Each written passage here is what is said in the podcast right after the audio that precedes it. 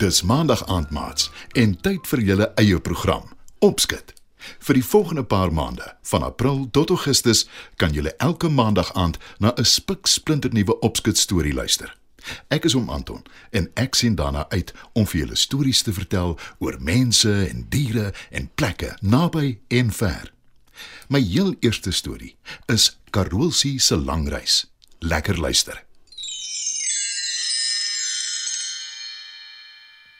Ouma Annie maak reg om op reis te gaan. Ja, dis reg. Dis wat sy dit noem, op reis. Haar metgesel, die een wat saam met haar in die pad gaan val, is haar kleinseun, Benny. Elke keer as ouma vir Benny vra of hy reg is vir hulle reis, glimlag hy. Hy weet nie regtig eers hoekom nie. Miskien omdat ouma dit so belangrik laat klink.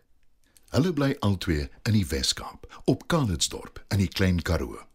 Benny bly saam met sy mamma en ouma Annie bly in dieselfde straat.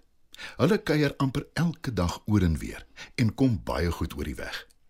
Die reis is Oos-Kaap toe, want hulle gaan vir ouma Annie se suster kuier, ouma Magdalena in Kebega.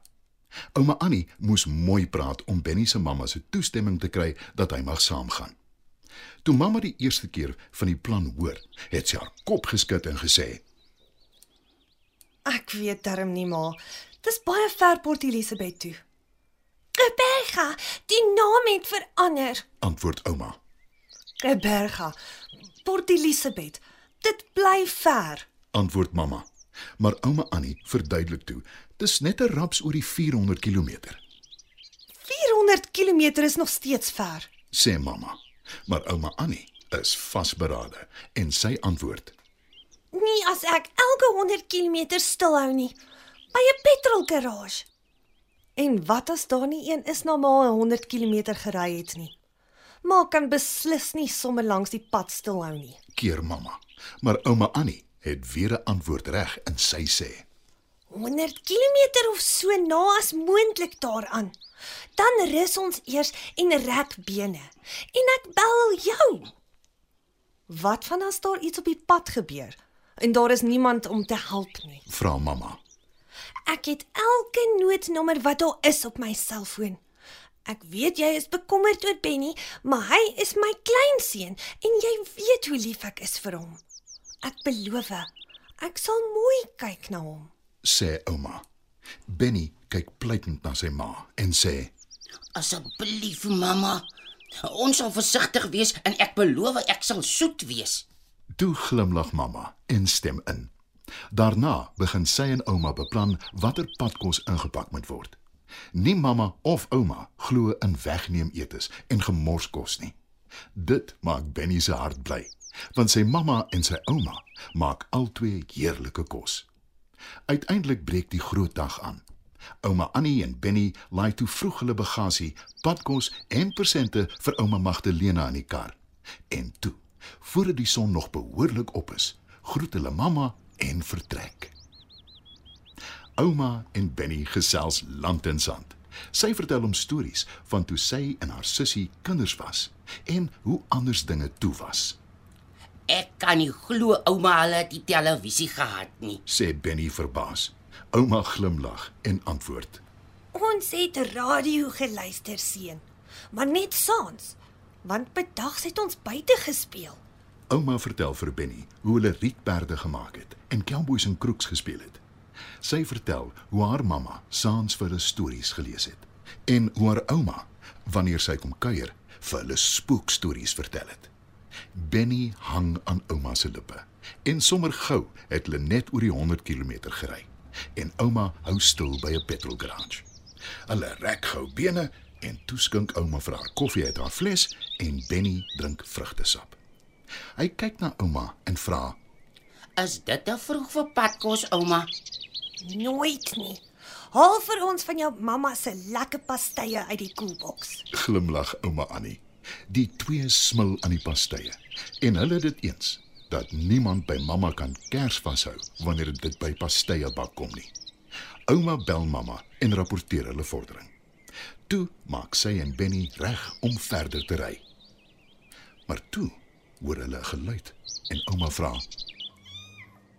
Wat was dit? Oh, dit het vir my geklink soos 'n kat. sê Benny. Ouma skud haar kop en sê: Dis onmoontlik. Ons het nie 'n kat nie. Miskien het hy in die kar geklim toe ons bene gereg het of dalk is dit 'n sy en sy kleintjies gekry. sê Benny grootoog. Nou is ouma sommer vies in sy raas. Moenie laf wees nie, kind. Ons sou die kat gesien het. En as daar kleintjies was, sou ons nou 'n kattekoor gehad het. Raas ouma met my. Terg Benny. Ouma glimlag en sê: Jy weet ek raas nooit met jou nie. Maar as jy nonsens praat, Beide ouma en Benny lag. Toe soek hulle oral in die kar na 'n kat, maar hulle kry niks nie. En hulle besluit dit was net hulle verbeelding en hulle vertrek verder op hulle reis. Ouma en Benny verkyk hulle aan die natuur skoon langs die pad. Ouma vertel vir Benny hoe mooi dit in Nysna is, maar sy beloof hulle sal eers op pad terug daar afdraai. Ouma Magdalena het hulle 'n paar keer boodskappe gestuur om te hoor hoe ver is hulle. En hulle moet ook die hele tyd aan mamma rapporteer. Albei hoor elke nou en dan nog die geluid wat klink soos 'n kat wat mel. Maar hulle het intussen besluit dis die kar se engine. Uiteindelik kom hulle by ouma Magdalena aan. Sy wag hulle in en kom hulle tegemoet geloop. my dierbare suster, dis so goed om jou te sien. En is dit tog nie klein Benny nie? Mensig, maar jy word 'n groot kind. Ek dink jou ma moet 'n klip op jou kop sit sodat jy kan ophou groei. Groet ouma Magdalena. Toe kyk sy verbaas na ouma Annie en sê: Moenie my sê jy het 'n kat saamgebring nie, Annie. Ouma Annie en Benny kyk na mekaar. Toe vertel hulle vir ouma Magdalena wat gebeur het. Maar dat daar beslis nie 'n kat in die kar is nie. Ouma Magdalena skud haar kop ongelowig en sê: Katte kruip in karre se engines weg. Het julle dit nie geweet nie? Toe verduidelik sy, hulle doen dit omdat dit lekker warm is daar. Ouma Annie en Benny kan dit nog steeds nie glo nie. Maar ouma Annie maak die engine kap oop en so waar. Daar sit 'n grys kat en kyk met groot benoude oë na hulle. Hy miau hard en hy lyk baie honger en dors. Benny tel die kat op. Die dier lyk baie verlig en Benny vra: Waar kom jy vandaan en wat is jou naam? Ek bly naby julle. En Toe ek hoor jy en ouma gaan Kebega toe, het ek in die kar se engine weggekruip en my naam is Karolsie. antwoord die kat. Benny kyk verbaas na Karolsie en vra: Maar hoekom?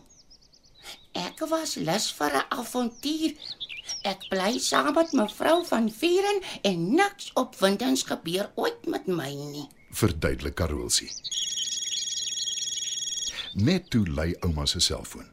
Dis mamma en sy vertel vir ouma mevrou van Vuren se grys kat wat soek is.